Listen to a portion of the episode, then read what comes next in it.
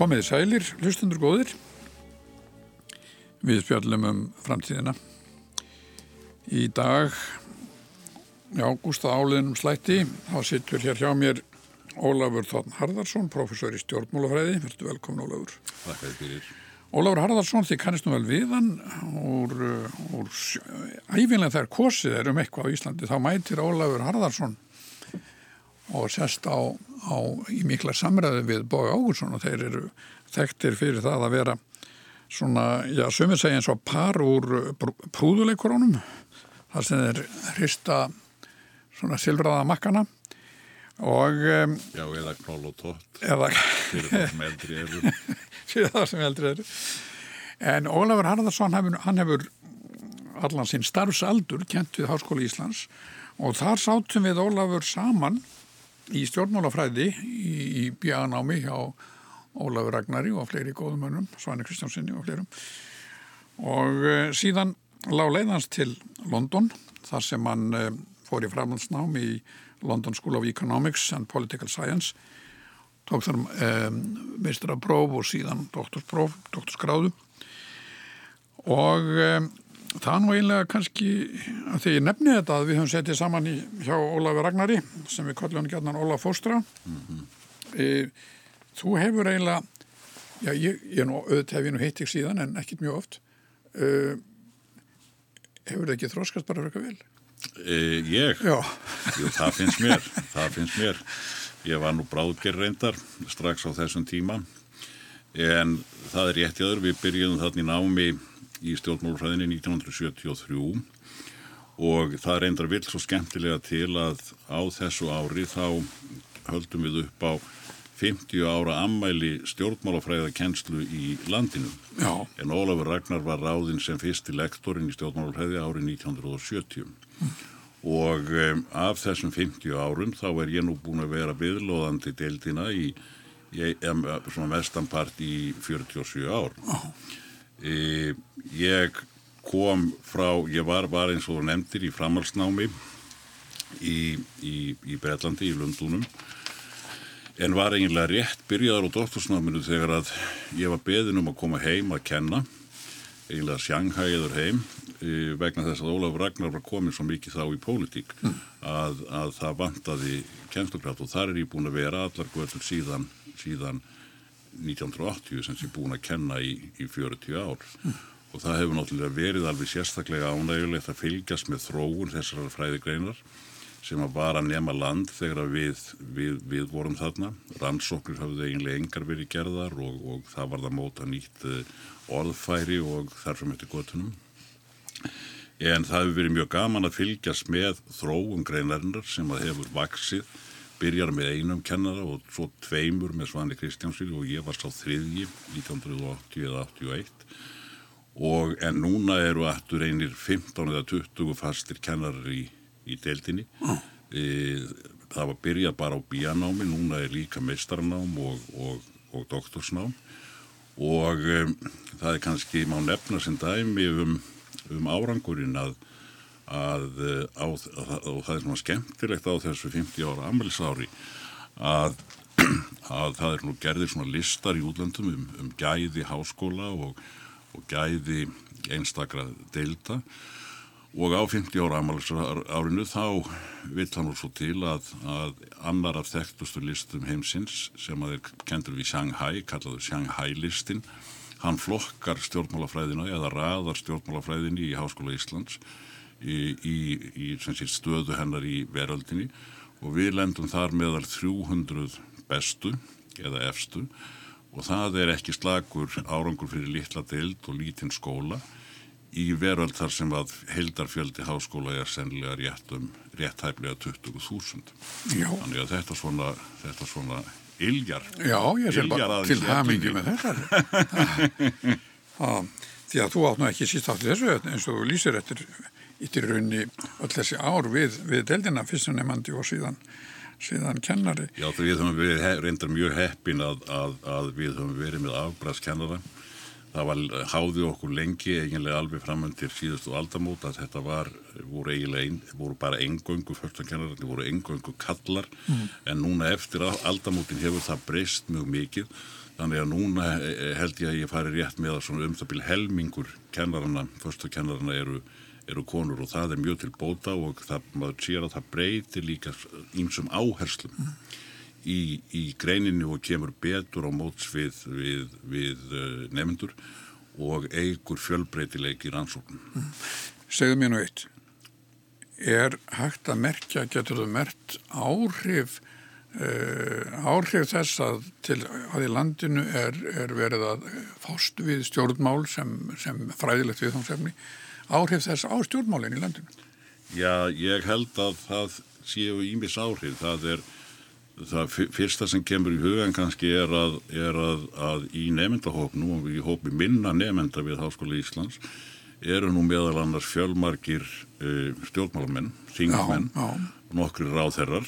Eh, ég veit nú að vísa ekki hvort þeir hafa allir tekið lærdómar stjórnmálarsræðir með sér í, í, út, í, í praktíkina en við höfum líka um, marg, margir sem er í ennbættiskerfinu, fjölmiðlunum og þar sem eftir göttunum hafa verið hjá okkur í námi og ég held nú að svona fræðilegu umræðum stjórnmál hafi gert uh, stjórnmál á umræðuna kannski dálítið svona Uh, málefnalegri, fáari heldur en, heldur en var. Einkenni uh, íslenska stjórnarmála umræðu var í rauninni mjög lengi kappræða sem að einkendist mikið af íllirðum, skömmum og var mjög ómálefnaleg og, og, og það höfum við svo sem ennþá.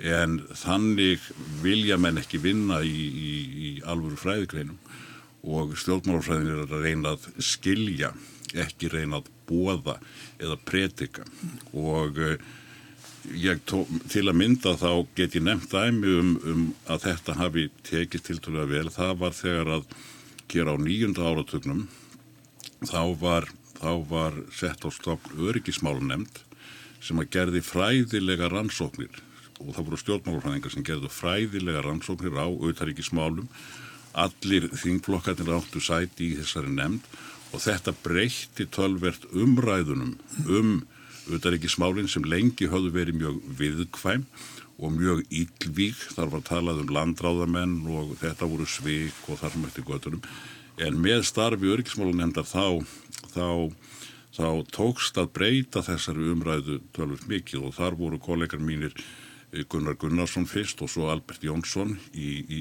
forsvari og unnu held ég mjög merkilegt starf mm. til að koma þessari umræðu á, á málefnilegri og skaplegri grundvall og, og það eru fleiri dæmi, kollega með Gunnar Helgi hefur til dæmis fjallað mjög mikið um stjórnsýstuna og uh, hann hefur nú meiri síðan komið svo langt að einu svona hjælta námskeið fyrir ríkistjórnina um, um góða stjórnarhætti. En nú er stundum sagt að, að að, að þó að menn hafi séu hugsanlega prúðari í orðum að þá séu samskiptin innan stjórnmála hópsins til dæmis með þingmanna jafnvel minni og þessi jafnvel dýpri gjára á milli ólíkra hópa og, og alltaf því fjandskapur. Já, ég þekki það nú ekki alveg en það kann vel að vera og maður sér að, að, að að það er eins og áður og það eru náttúrulega persónlega ítlindi stjórnmál eru náttúrulega í eðli sínu ekki bara um hugssjónir heldur líka um frama einstaklinga og um kapp. Jú, jú. og eitt af því sem ég hef nú oft, oft sagt er að, er að í stjórnmálunum þá eignastu kannski síst vini í þínum eigin flokki. Vegna þess að það eru bara þeir sem eru með þér í flokki sem að geta slátraðir í pólitík og komið í veg fyrir þinn frama. Þannig að ofta eignastu bestu vinina í hópi anstæðingana því þeir eru bara með þér í leiknum. En þeir reyka þig aldrei úr frambóði. Mm, þeir geta vísu fælt í kostingum en hér eru nú e, e, er það, eru menn nú oft til tala öryggir með, með sín sæti. En ég hef heyrt þetta svolítið sérstaklega núna eftir hrun að mannum finnst íllur andi hér í, í þinginu. Og það kann vel að vera. Við situm sannilega ennþá tölvert uppi með sárindi og íllindi e, eftir, eftir hrunið. En hins vegar finnst mér reyndar að umræðan í þinginu eftir hrun hafi skánað mikið og sé málefnulegri e, heldur nún var e, á, áður. Nú veit ekki hvort hægt er að taka þannig til orða eða tala um stjórnmálinn sem, uh, sem eins og næstu eins og geranda eða, eða vettvang þar sem hlutinir eru ákvarðaðir og það stundum, menn, menn orða þetta samstundum þannig að stjórnmálinn ráð ekki við og stjórnmálinn séu í, í, í neikvæðri eða, eða í svona erfiðir í stöðu. Og, og, og þegar þú nefnir hrunin þá dettur mér í hug þetta með það sem blasir við okkur núna þar að segja sko koronaveiran sem hefur áhrif á okkar samfélag og öll samfélag núna í heiminum. Um, hvernig eru hvernig eru stjórnmálinn í stakk búin til að glýma við svona utanakomandi skindilega vanda Þetta er mjög góð spurning og ég held að það megi segja að, að þessi koronapláa núna hún sé áfall eða vandi í veröldinni á, á, á svipuðum skal, á kvarða og heimstyrjallinnar á síðustu öld og kreppan mikla í kringum 1930. Reyndar held ég að þessi, þessi, þessi pláa og hennar afliðingar og viðbröð við henni muni verða mikið rannsóknar efni, ekki bara í lífvísindum heldur líka í félagsvísindunum. Það er að segja að menn muni skoða hvernig ólík helbriðiskerfi, ólík stjórnmálakerfi, e, ólík félagskerfi, hvernig þeim hefur gengið að takast á við þessa krísum. Og það er kannski erfitt að fullir það á þessu stígi mjög mikið um, um, um hvers konar niðurstöður munum koma þar fram. Hins vegar sjáum við nú þegar ákveðna hluti sem að skera verlu í augun Eitt af því er það að, að í þeim löndum sem að þar sem að líðhyggjumenn eða populistar hafa komist til valda og þá er ég alveg sérstaklega að hugsa um Bandaríkin og, og, og kannski Brasilíu að þessir populísku leðtogar hafa sínt sig gjörsamlega ófæra til þess að taka með einhverjum kraftmiklum eða heildstæðum hætti þeir beita bara sömu orðræðunni mm. og þeir hafa, hafa alltaf gert og komist upp með sem að einkennist af ekki af málefnarlegu uh, málefnarlegu umræðu heldur upprópunum mikill andúð á elítunni og annað sem einkennir þessar reyfingar er andúð og vantrú á vísindunum. En ég held að, að uh, þessi krísa sínum önnum fram á að stundum getur verið mjög skinsamlegt að hafa vísindin með í för. Mm og hlusta á sérfræðingana hlusta á helvítis elítuna eins og stundum er, er satt og að þau ráð gefist, gefist betur þannig að ég hygga það að ein afleiðing þessa, þessa faraldra, faraldurs geti verið svo að að líðhyggjurhefingarnar sem hafa verið dálítið og uppseflu að þær fái svona bakslag. E, menn, því að þá sjá menn sé, hvernig líðhyggjumenn eru í stakk búnir til að takast á við raunveruleg mjög alvarleg vandamál sem stafa sem, stuð, sem, sem koma upp í, í þjóðfélags þróunum.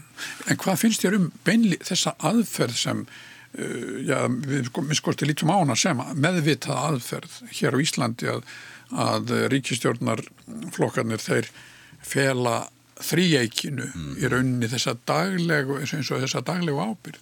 Það er náttúrulega rétt að hafa í huga að það er ákvörðan stjórnmálamannuna. Á endanum bera stjórnmálamennir ábyrðina e, þó að sóttvarnarleikni séu, séu, hann hafi ákvörði vald í lögum. E, þetta hefur verið mismunandi eftir löndum hvað stjórnmálamennir hafa verið sjálfur áberandi mm. í, í, í, í því að kynna kynna e, aðgerðir e, og ég held reyndar að þessi aðferð sem að hér hefur verið nótur sé príðileg, mér, mér hugnast hún og ég held að hún, að hún hefur líka verið klók af íslenskum stjórnmálmönnum meðal hans vegna þess að, að alveg síðan í frunni hafa íslensk stjórnmál ekki notið sérstaklega mikils tröst í samfélaginu. Þannig að það er kannski hyggilegt að vera með e, vísindamenn í á frontinum við að kynna þetta frekar en stjórnmálumennir gerir það sjálfur en hins vegar sjáum við hér í nákvæmlandunum að, að þar hafa stjórnmálamenn meira verið í, á, á frontinum eins og til dæmis í Danmörku og Svíþjóð. Mm.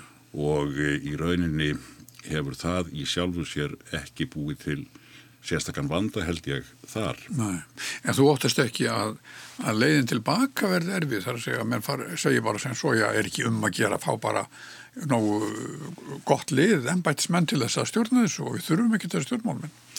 Nei, það held ég ekki. Það, maður heyrir þetta oft og það hefur verið eins og ég nefndi undanfarin ár, kannski meir en ofta áður, talað, en þó mjög lengi, talað svona ítla um um, um vísindi og fræði og sérfræðinga og þar með líka embættismenn.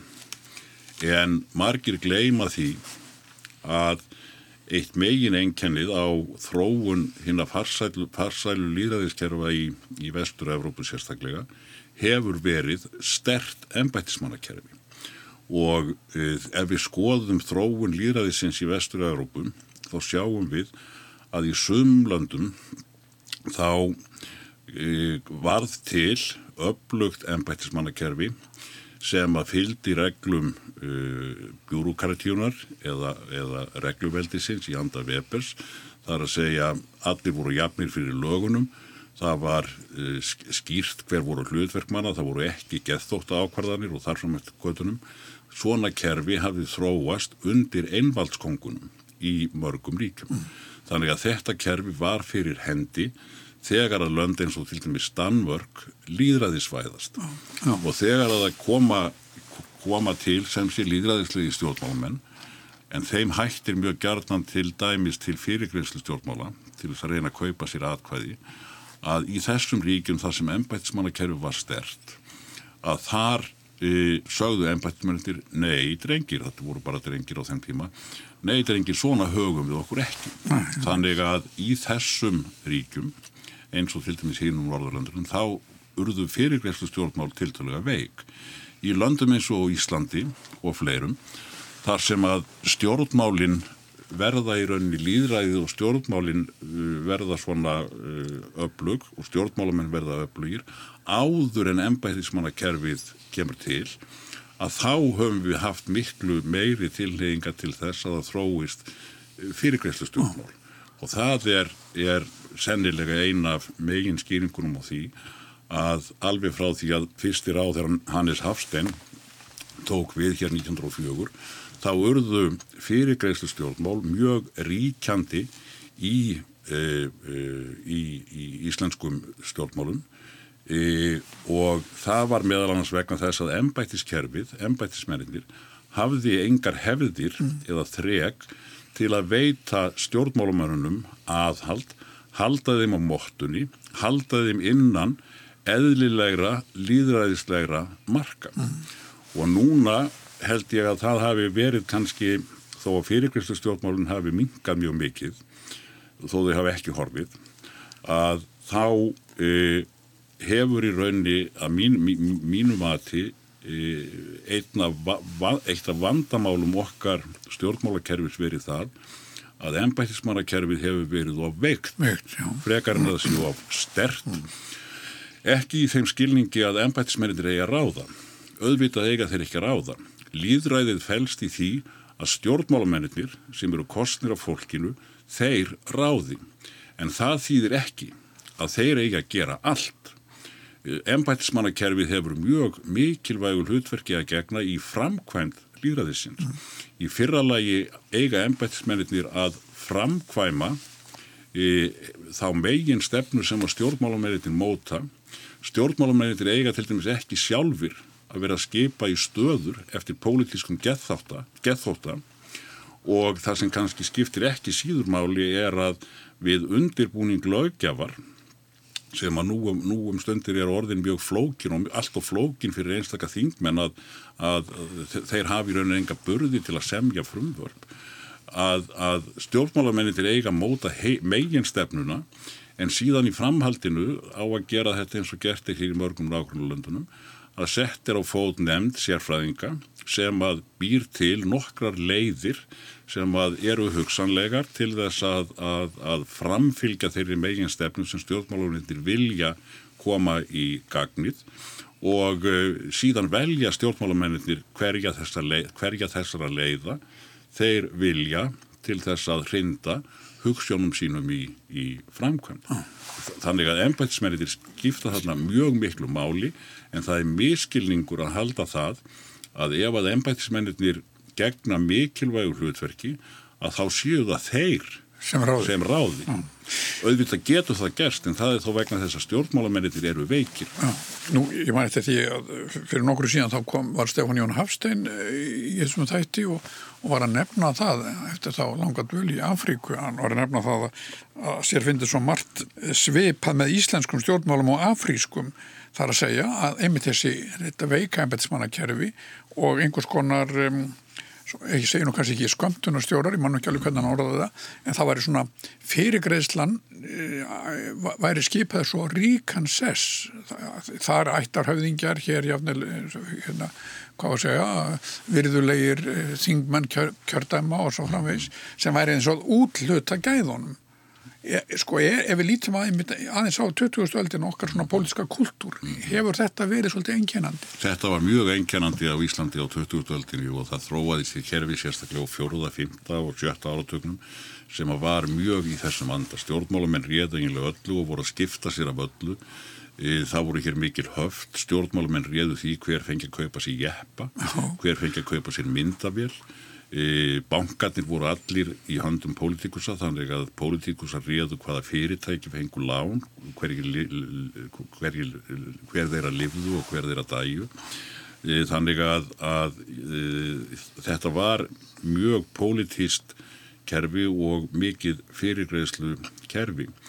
Það hefur eins verið eins og ég nefndi á þann skánað mjög mikið þó að við sáum en þó við höfum séð hins vegar til dæmis við engavæðingu bankana um síðustu aldamót að þá hoppaði þetta gamla fyrirgreðslukerfi allt í einu sprell lifandi inn í, inn í Íslands stjórnmál ah. og sjálfstæðisflokkur og framsflokkur skiptu bara á milli sín e, böngunum e, en, en það ber líka hafi huga að þó að, sko, að þessi fyrirgreðslu verði og þessi ættbálka higgja sem að, sem að þú varst að í að að þó að hún hafi verið mun sterkari hér á landi heldur en á hinum Norðurlandunum e, þó við höfum orði líkar í Norðurlandunum síðari árin að þá þýðir það ekki að okkar fyrirgreðslu kerfi sé sko eins og kerfin í Afríku nei, eða nei. eins og fyrirbyrstkerfi til dæmis á Ítalíu mm. sem, að, sem að er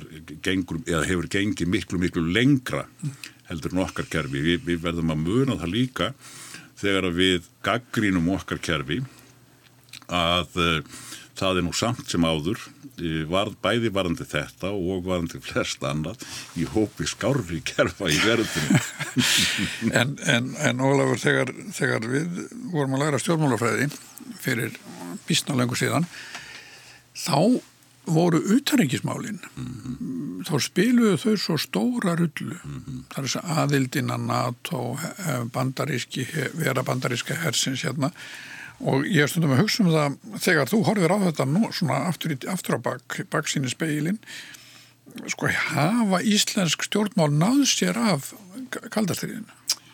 Já, ég held nú að þau hafi náð sér. Ég held hins vegar að kaldastriðið hafi að marganhátt sko verið, það var náttúrulega alþjóðlegt og en, en hér á Íslandi var það mjög hardrækt og, og það hefur nú kannski átt, í, í því hefur kannski átt þátt svo ríka átaka hefð sem hefur engjant Íslands stjórnmál uh, síðustu 150 ári já, já. og við sjáum til dæmis ef við skoðum sjálfstæðisbaráttuna að, að, að þar bá, bá, bárust með mjög á banarspjót og, og, og deiluruðu mjög yllvíkar og oft voru var það karpum mikil smáatriði.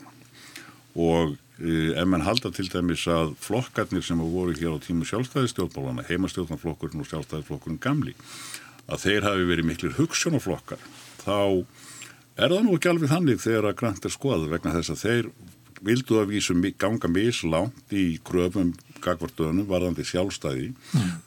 en megin markmið þeirra var augljóslega að komast að kjötkóttunum eiga, eiga ráðherran og þess vegna skiptu þeir um skoðun í sjálfstæðismálunum hvað eftir annað eftir því hvað hend staði í valdabaróttu mm, mm.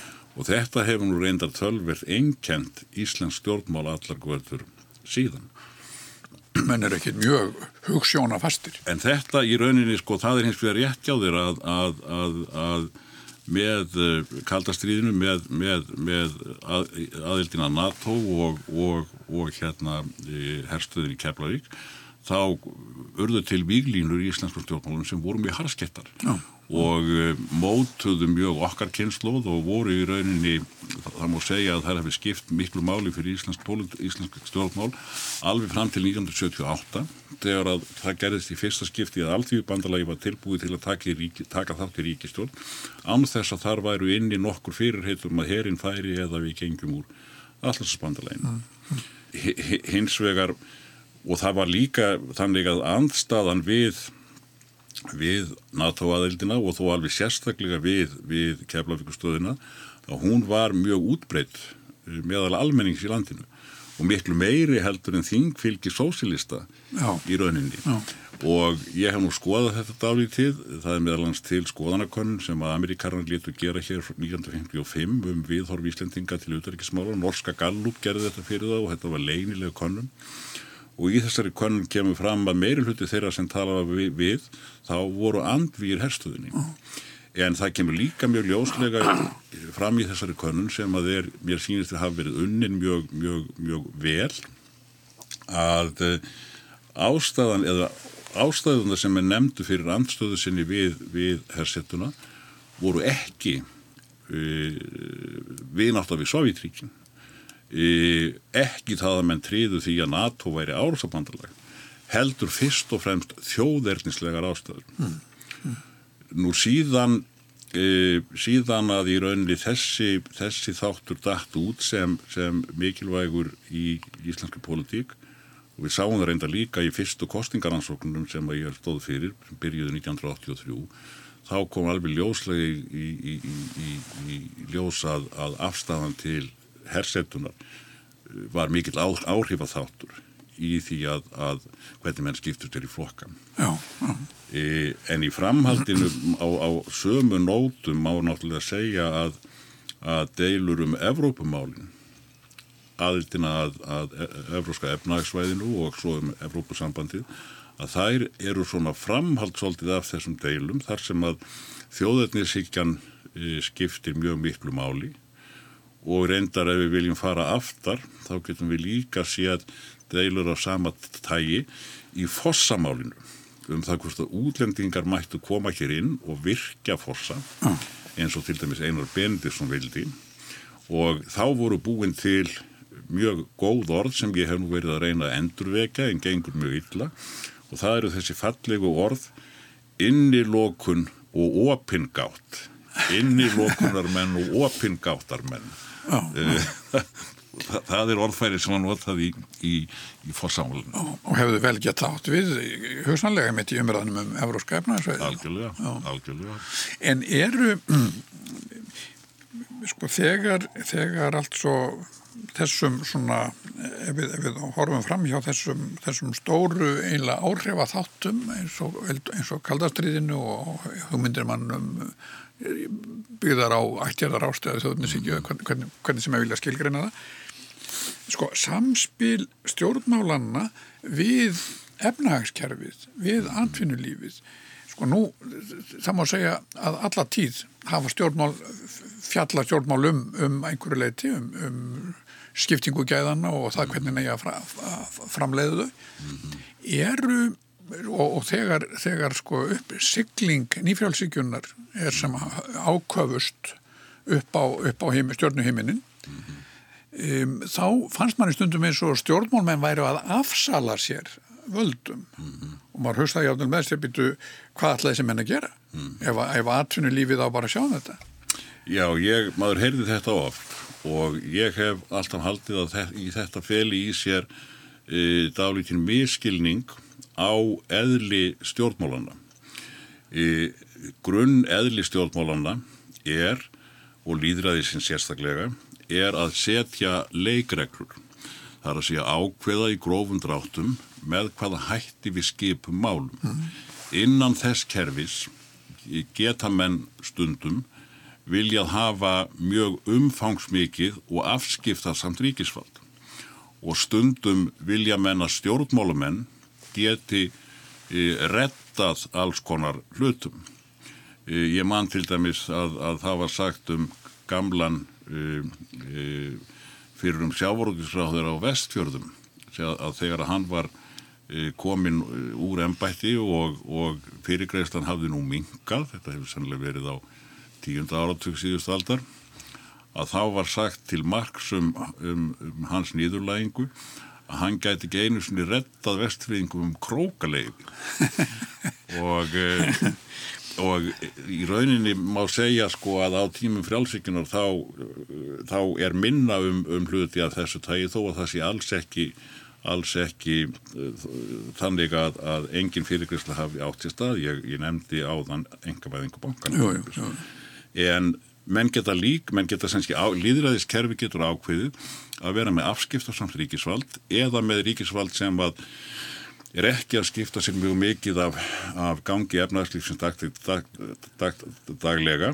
Þú getur sagt náttúrulega að í setna tilvíkinu þá er, eru stjórnmálun ekki með ja, beinum hætti að taka ákvarðanir í efnahagslífinu en það hefur ekkert breyst í slíkum kerfum að það eru líðræðislega kjörin stjórnmöld hér á Vesturlandum sem ákveða hvaða leikreglu skuli gilda. Og það er einmitt mjög fróðulegt að velta fyrir sér hlutverki ríkisvaldsins sérstaklega og hvernig hugmyndir manna um ríkisvaldið hafa breyst síðustu 100-150 árin.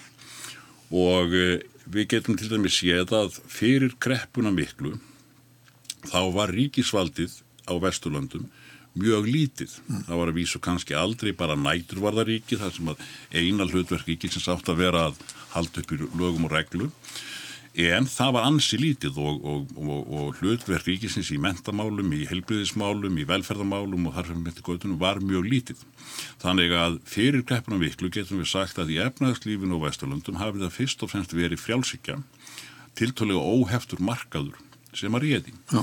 Með kreppunum miklu þá breytist þetta algjörlega. Já, það er að segja með kreppunum miklu þá kemur keinsismi, það kemur sósjaldemokrati á Norðurlöndunum og það koma alveg nýjar hugmyndir um hlutverk ríkisvaldsins. Og uh, þar sem að uh, talið er að ríkisvaldið eigi að byggja upp almannaþjónustu og uh, umfang ríkisins, þar að segja hlutur hins opimbera í, í þjóðafræmlislu, ekst gríðarlega á áratugunum eftir kreppunum miklu. E og e ekki bara í Vesturörgu heldur líka til dæmis í í bandaríkunum upp á 1970 þá fara menn að hafa áhyggjur af uh, vext í velferðaríkisins að það sé að verða of stórt eða feitt eins og menn sagðu og þá fáum við þessar uh, nýju frjálsíkju áhyggjur eða frjál, frjál, áherslur Já. eða frjálsíkju áherslur aftur. Og menn fara að tala mjög illa um ríkisvaldið ég held að það hefur Reykján sem sagði að ríkisvaldið væri aldrei lausnin heldur væri ríkisvaldið vandamálið. Og og e, þannig var þetta í rauninni dálítið ráðandi í veröldinni því að, því að það er nú svona tískurfeiblur sem eiga sér stað í, í, í veröldinni og ha, hafa reyndar áhrif bæði á hægri og vinstirflokka mm. að, að þessar frjálsíkju áherslur voru sem sé mjög sterkara minnst kosti í orðræðunni alveg fram að, að e, fjármálakrísunni 2008 þá e, breyttist ímislegt til dæmis í hagfræðinni að hagfræðingar fóru aftur að hverfa meira til keinsískra áhersla fóru að hverfa meira til þeirra skoðunar að ríkisvaldið ætti að hafa meiri afskipti af, af efnagasmálunum heldur um frjálsvíkjumeritur höfðu talið mm. Og þeir fóru að endur skoða það að, að, að menn höfðu verið með flókin reikni líkon í hagfræði þar sem að þeir voru í rauninni að halda því fram að markaðirnir að það þyrfti ekki að hafa áhegjur af mörguðunum vegna þess að þeir myndu allir jafna sig, jafna sig og komast í jafnvægi aftur.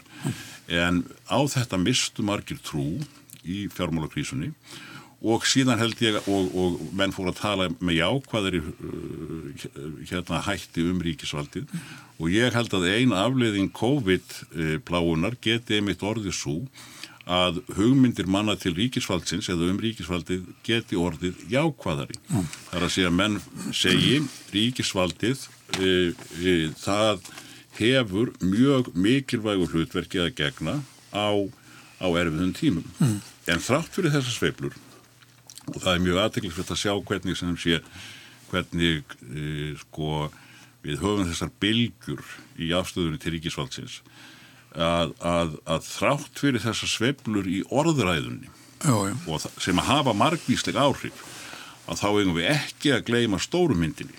Það er að segja ef við skoðum umfang ríkisvaldsins segjum frá árinu 1900 til vorra daga að þá er megin breytingin allan tíman svo að hlutur ríkisvaldsins hefur stór aukist.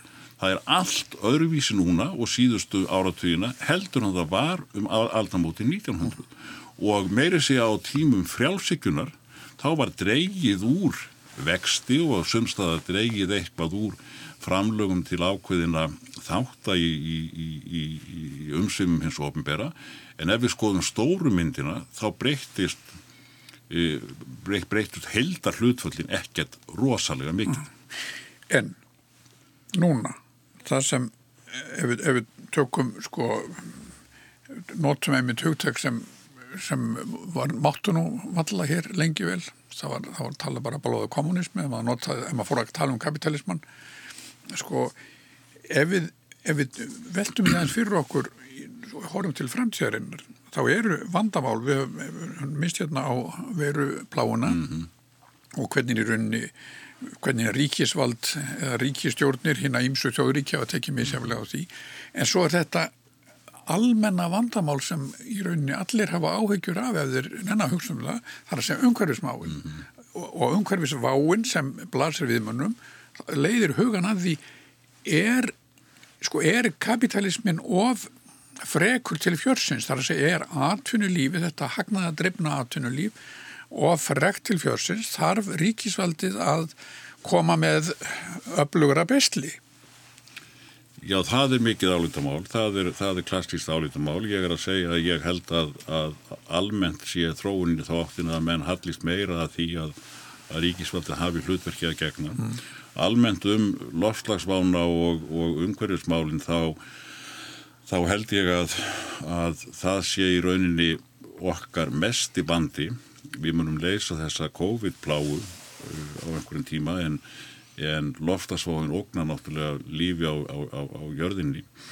Og uh, hins vegar varðandi það þá og, því að að öru leiti er ég mikill bjartinismadur og í rauninni ég tek undir það með hans heitum Rósling að ef maður skoða þróunina síðustu 50-100 árin þá á langt flestum sviðum hafa orðið stórfældar framfarir.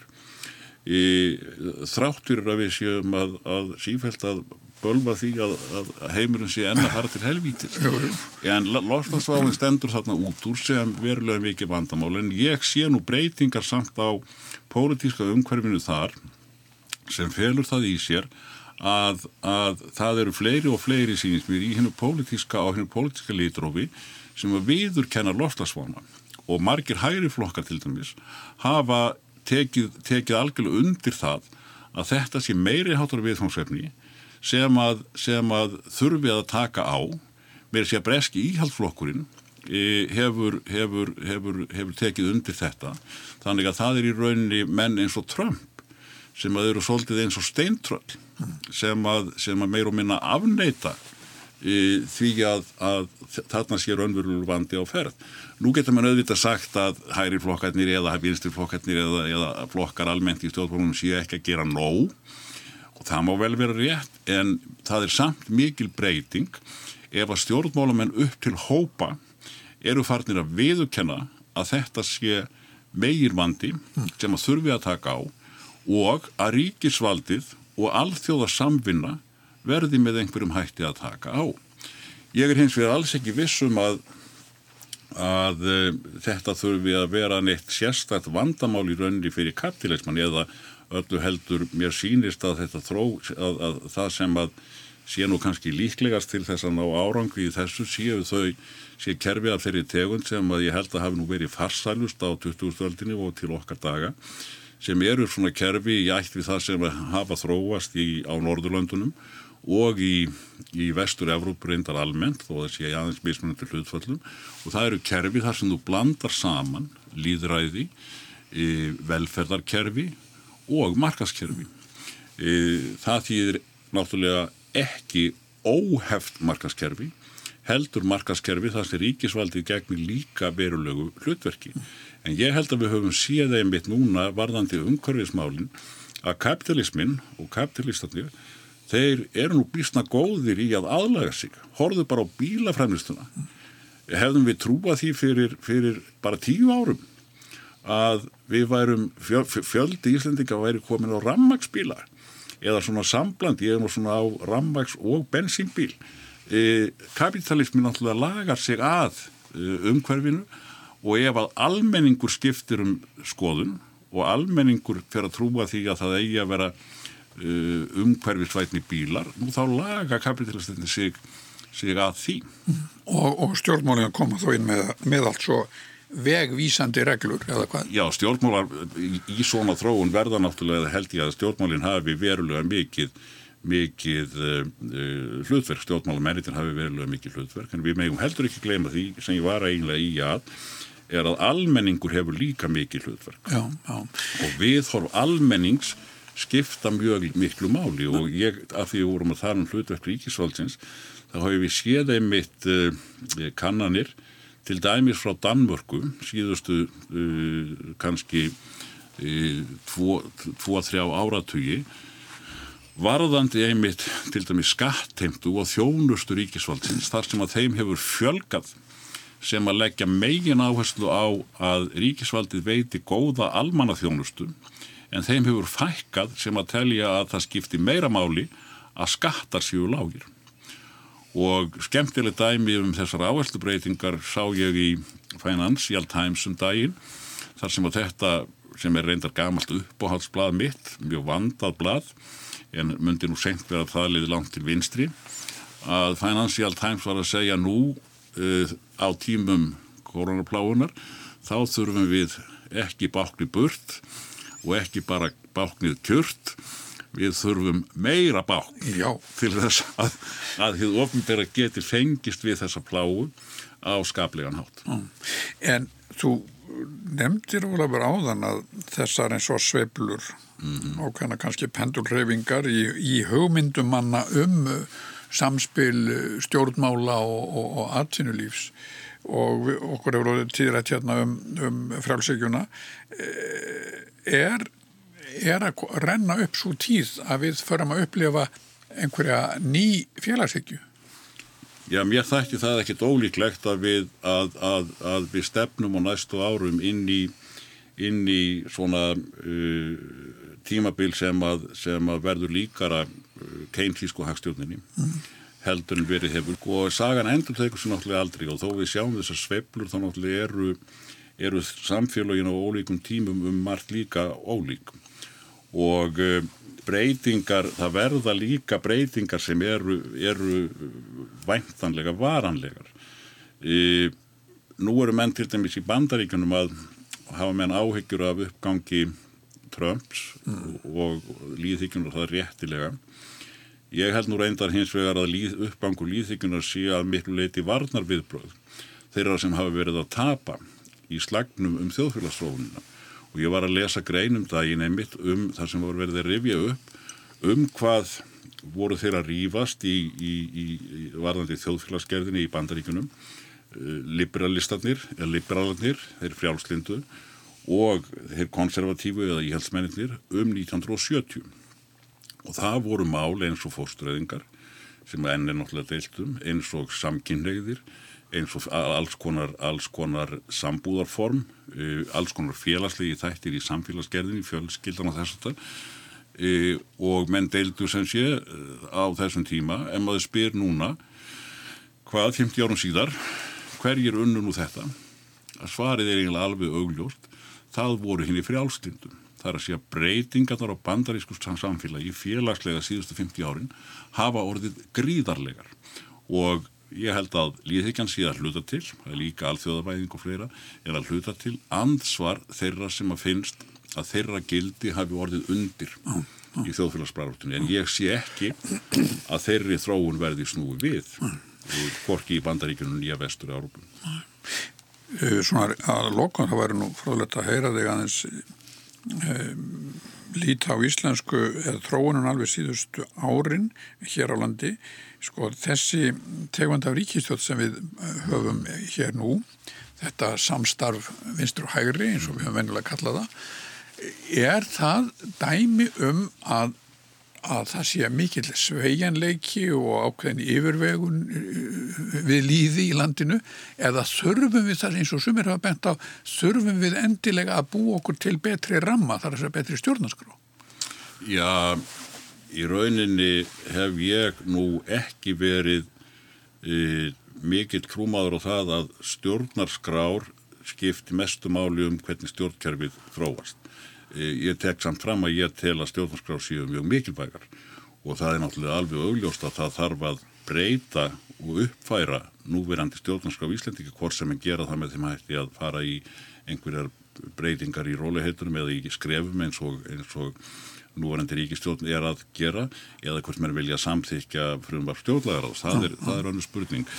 E, en sko dæmi um það að stjórnarskrá skipta ekki öllum ágætt dæmið um það er að bera saman Ísland og Danmörkum vegna þess að íslenska stjórnskráin er ennþá og var sérstaklega á margan hátt mjög svipuð dansku stjórnskráni e, til að 1874 eiginlega bara kópia af dansku stjórnskráni réð þetta hlutum eins og mótuðu, auðvitað mótuðu þessa stjórnarskrár tiltekna almenna hluti í, í stjórnmálakerfinu en margir mjög mikilvægi hlutir voru ekkert í stjórnarskráni mm. til dæmis ekkert um stjórnmálaflokkana ekkert um það e, hvernig sko fyrirgreifstu skildi hátað og við fáum, hins, við fáum mjög ólíka þróun í þessum löndum þar sem í Danmörku þróast tiltólega fyrir greiðslu laus stjórnmál meðan á Íslandi eins og ég var að nefna á þann þróuðust byllandi fyrir greiðslu stjórnmál mm og þeim fylgdi alls konar spilling og alls konar ósýðir og e, það var greinilegt að í þessu tilfellinu döguði okkur ekki að vera með stjórnarskrá sem var svipuð dansku stjórnarskráni til að ná samskonar stjórnmála lífi og e, átti sér stað í, í Danmörkum. Þessi sko ríkistjórnin núna er hún er hún, upplifur þú það þannig að, að hún sé eins og árangur af uh, átökum sem hafa einhverju leitt verið leist? E, það er ég nú ekki vissum að þau, þau að, að átök eru aldrei, eða í raunni sko, viðfangsverðum samfélagsins eru aldrei leist. E, að hluta til er þessi ríkistjórn e, svona í anda þess að að í íslenska samstipustjórnakerfinu þá hafa í rauninni í prinsipi allir getað unni með öllum. Mm. Að vísu höfðu sósilistar og sjálfstæðismir ekki unni saman síðan í nýsköpunastjórninni þegar núverandi stjórn var mynduð en í prinsipinu hafði, hafðu vinstir græn í langan tíma hugsanlega alveg geta mynda stjórn með, farið í stjórn með sjálfstæðisflokkum. Þannig þetta er að hluta til sem sé uh, bara í, í henni íslensku hefð. E, að hluta til hins vegar sjáum við að, að eh, í sögumum nákvæmlega á Norðurlöndunum þar sem hefur verið mjög skýrt blokkakerfi í stjórnmálum þá hafa blokkirnar verið aðeins að riðlast. Það er meiri samvina yfir blokkirnar heldur en var áður. E, og þar að auki held ég að, að, að þarna komi líka inn að eftir eftir eh, hrunið þá hafa verið miklir óróa tímar og óstöðuleiki í Íslandsku stjórnmálum. Við höfum fengið inn marga nýja flokka. Uh, ríkistjórnir hafa verið skamlífar, það hefur engin ríkistjórn uh, lifað heilt kjörþingabil nema ríkistjórn Jóhannu Sigurðardóttur frá 2009 til 2013. Þannig að ég held nú að þessi ríkistjórn hafi líka verið mynduð sem svona einhvers konar ákall bara á stöðurökan og aðstæður voru reynda líka þannig þegar hún var mynduð að það var almenn, almenn sátt virtist vera í samfélaginu og það kom fram eiginlega hjá fulltrúum flestra flokka í kostningabarututin 2017 að viðfangsefnin framöndan í íslensku samfélagi væri að byggja aftur upp helstu innviði samfélagsins sem að hefðu farið illa út úr fjálmarakrísunni 2008, 18, nei, 2008 mm. og þá voru til nógu peningar þannig að það var hægt að mynda svona stjórn. Ólafur Þórn Harðarsson, bestu þakki fyrir að setjast þessa stund við hljóðinum mann með mér. Takk fyrir kominu. Takk fyrir þér.